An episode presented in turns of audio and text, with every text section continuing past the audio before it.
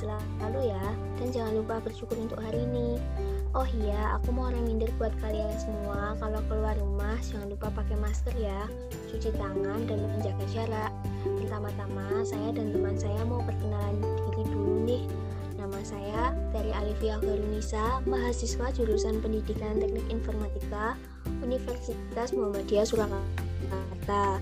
Dan perkenalkan teman saya. Halo semua, perkenalkan saya Hana Sajida, mahasiswa Pendidikan Teknik Informatika Universitas Muhammadiyah Surakarta.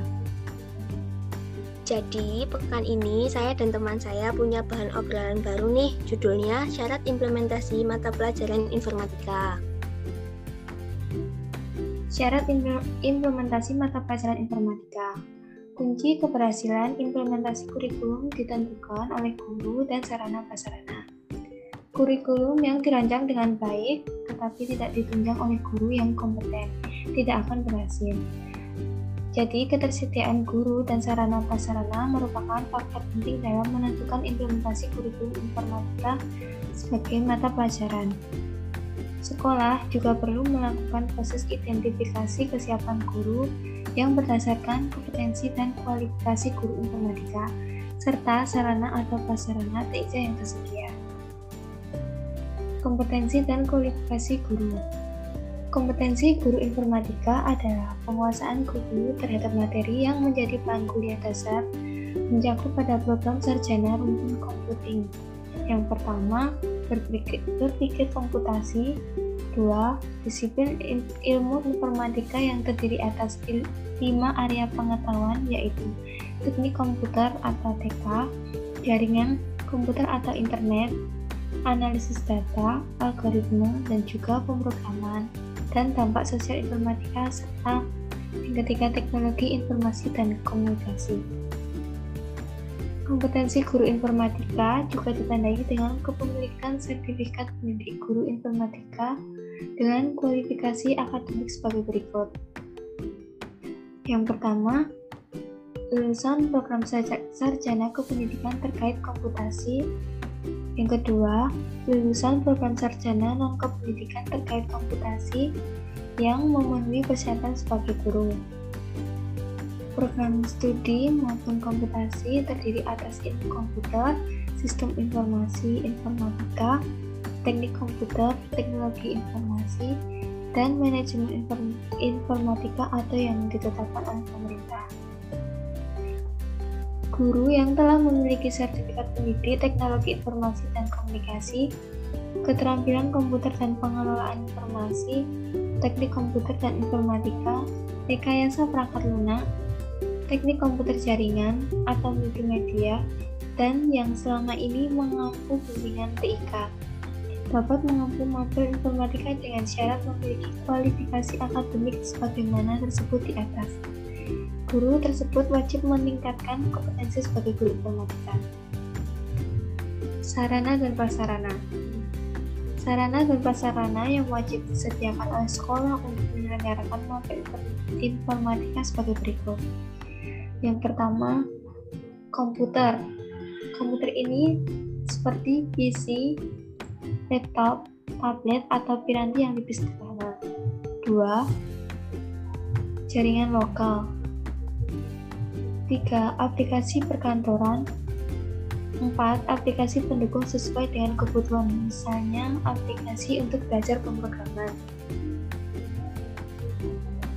Selain ketersediaan sarana atau prasarana tersebut di atas, sekolah disarankan melengkapinya dengan yang pertama, laboratorium, laboratorium komputer, 2. jaringan internet, 3. learning management system atau LMS, 4. kit pendukung praktikum informatika, dan yang terakhir, dokumen tata kelola dan rencana strategis sistem IT sekolah. Sarana prasarana untuk pembelajaran informatika yang dipakai oleh sekolah Guru maupun peserta didik harus menggunakan perangkat lunak yang legal, boleh freeware atau berlisensi.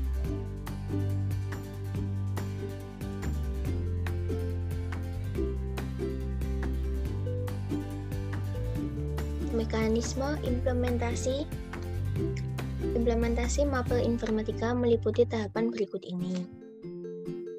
Yang pertama, identifikasi kesiapan sekolah, guru, dan sarana prasarana. Identifikasi terhadap ketersediaan guru yang memenuhi syarat dan ketersediaan sarana atau prasarana sekolah untuk menyelenggarakan mapel informatika seperti yang dinyatakan tadi. Yang kedua,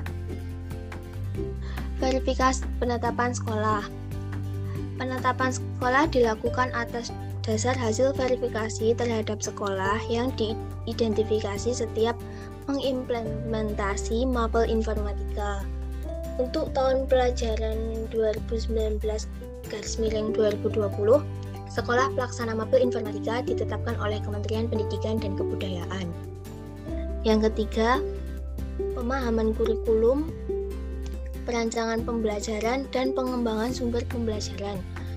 Guru memahami kurikulum, berkolaborasi dengan guru lain untuk mengembangkan peta konsep, silabus, RPP, dan unit pembelajaran yang mengacu pada KI atau KD, model silabus, acuan materi ajar atau sumber belajar yang terdapat pada laman Litbang Kemendikbud Go.id.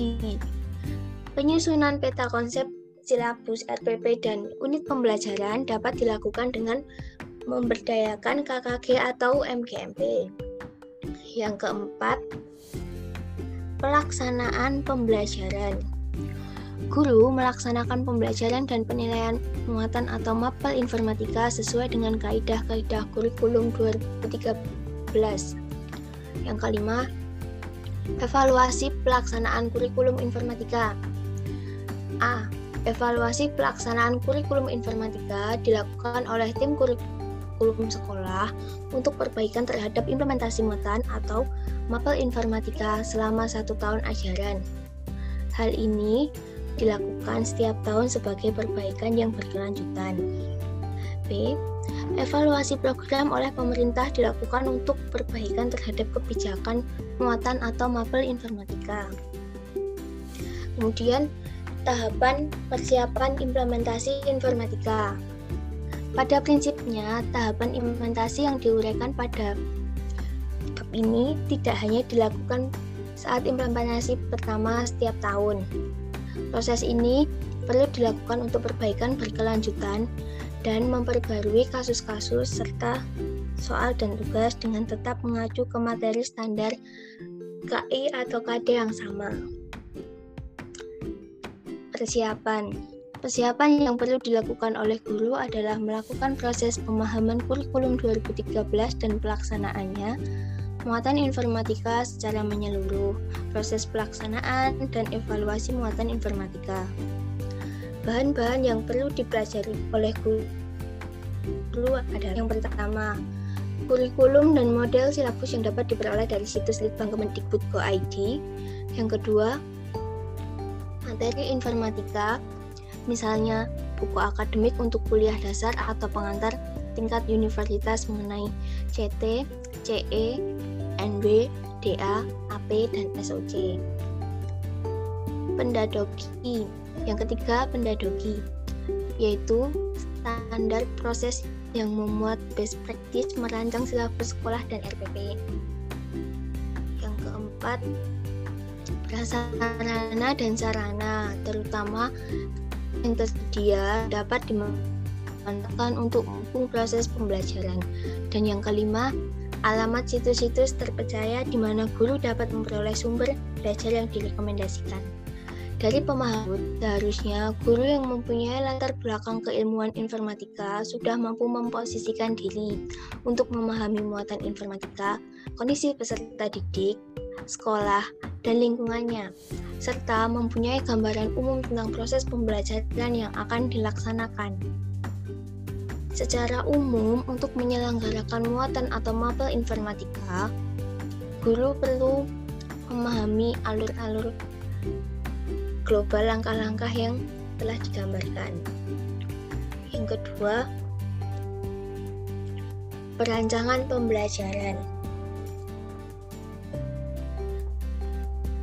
Tujuan tahap perancangan pembelajaran adalah agar guru memastikan konsep dan materi yang diberikan dan bagaimana konsep dan materi tersebut akan disampaikan.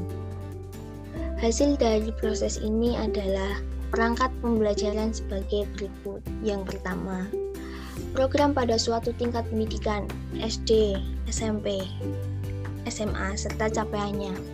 Yang kedua, untuk setiap kelas dirancang yang pertama, peta konsep per tahun. Yang kedua, program satu tahun atau prota, dan program semester atau prosem. Dan yang ketiga, draft silabus yang akan dijalankan di sekolah.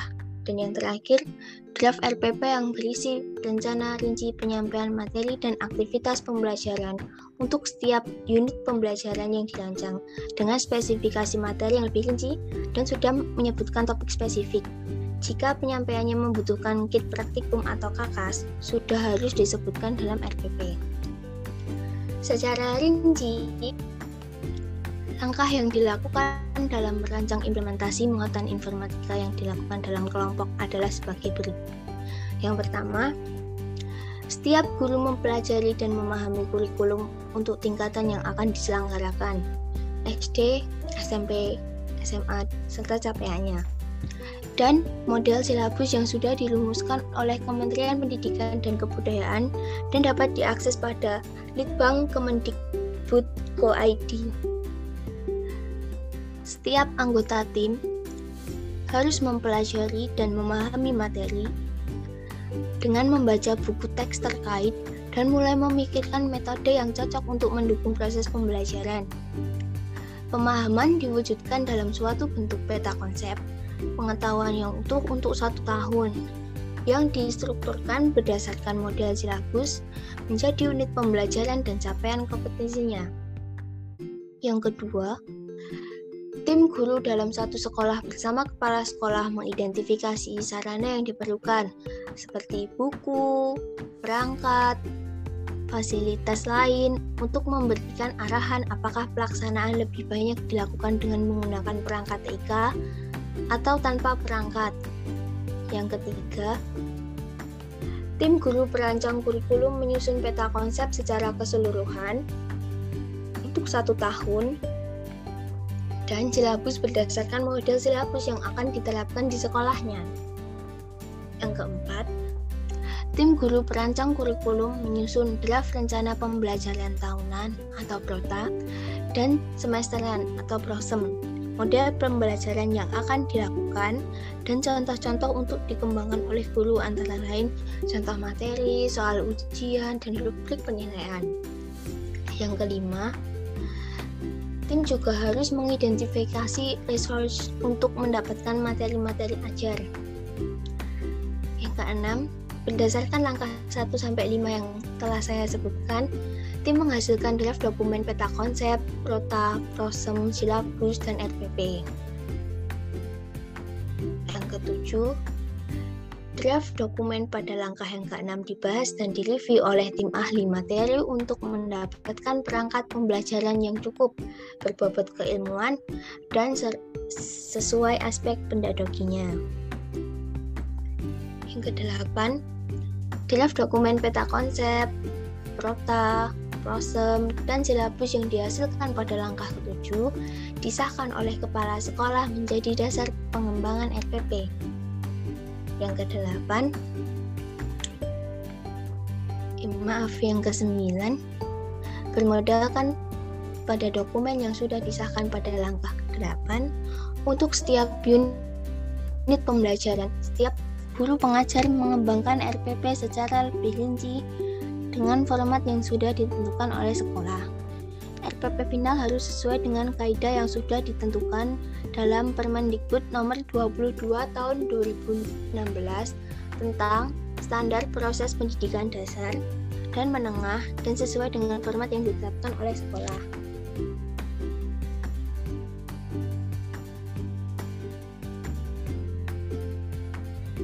Pelaksanaan pada tahap pelaksanaan pembelajaran, proses pembelajaran dijalankan dengan mengacu prosem dan RPP final yang menggunakan bahan ajar yang sudah dikembangkan.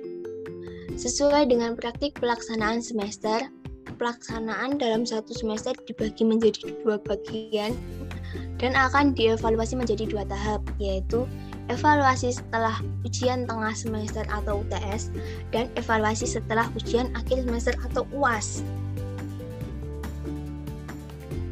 Sesuai dengan untuk periode satu semester, kesesuaian RPP dengan materi ajar yang dikembangkan, serta ketercapaian indikator perlu diukur oleh guru minimal ada dua tahap yaitu setelah UTS dan setelah UAS. Yang pertama, pada tengah semester setelah hasil UTS untuk memastikan apakah indikator dapat tercapai dari hasil penilaian dan rencana sudah dijalankan sebagai dirancang dalam RPP atau perlu dilakukan perubahan minor karena skenario tidak berjalan dengan baik dengan menyertakan analisis penyebabnya. Pada akhir semester, setelah hasil UAS, guru melakukan analisis hasil pengajaran yang menghasilkan portofolio guru, yaitu berisi perjalanan pelaksanaan yang real berdasarkan RPP final yang dirancang. Selanjutnya, kesimpulan akan dibacakan oleh teman saya. Jadi, untuk kesimpulan dari materi yang di atas, kesimpulannya adalah keberhasilan implementasi kurikulum tidak hanya tergantung pada rancangan kurikulum, tetapi terutama ditentukan oleh sumber daya manusia atau guru yang menyampaikan kurikulum tetap strategik. Guru informatika wajib mengembangkan kemampuan mengajar secara aktif dengan belajar dari sumber-sumber yang diberikan dan tidak hanya menunggu kesempatan untuk mengikuti pelatihan atau mendapatkan materi ajar siap saji. Kelompok kerja guru atau KKG dan musyawarah guru mata pelajaran atau MGMP didorong untuk aktif berperan meningkatkan kompetensi anggotanya dan mengikuti perkembangan ilmu dan teknologi yang cepat, terutama di bidang informatika. Jadi sebaiknya KKG dan MGMB mengadakan kegiatan belajar bersama dan berbagi pengalaman.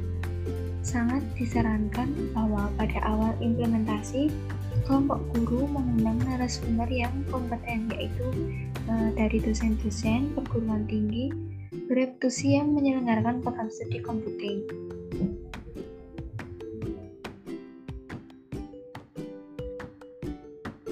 Demikian kesimpulan dari syarat implementasi mata pelajaran informatika. Terima kasih telah meluangkan waktu Anda untuk mendengarkan podcast ini. Jangan lupa follow podcast PTI Talks ya, dan sampai jumpa di lain waktu. Assalamualaikum warahmatullahi wabarakatuh.